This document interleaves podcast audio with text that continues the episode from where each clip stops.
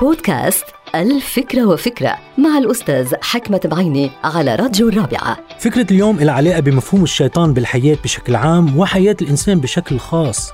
هالفكرة طريفة؟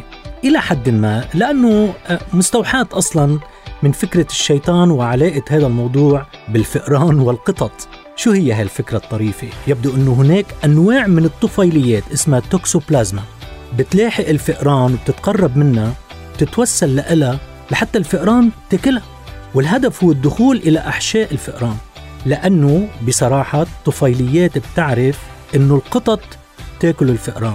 فإذا فاتت إلى أحشاء الفئران فهذا يعني أنه هي بتستطيع أن تدخل إلى أحشاء القطط ومن هناك تتكاثر. هلأ شو الموضوع وشو الفكرة؟ الموضوع إنه في مصلحة لهالطفيليات إنه تتكاثر وتستمر داخل الفئران. ولكن الطريف انه الطفيليات تدخل إلى دماغ الفئران كما يتسلل الشيطان إلى دماغ الإنسان. من هناك تبدأ تلك الطفيليات بالتحكم بالفئران ومزاجها وتصرفاتها. بعض التجارب أثبتت إنه هاي الطفيليات تجعل من الفئران اللي أكلتها تركض باتجاه القطط بدلا من الهروب منها. غريب تركض الفئران باتجاه القطط بإعاز من شيطان طفيلي لأنه من طفيليات. وهذا موضوع كتير مهم.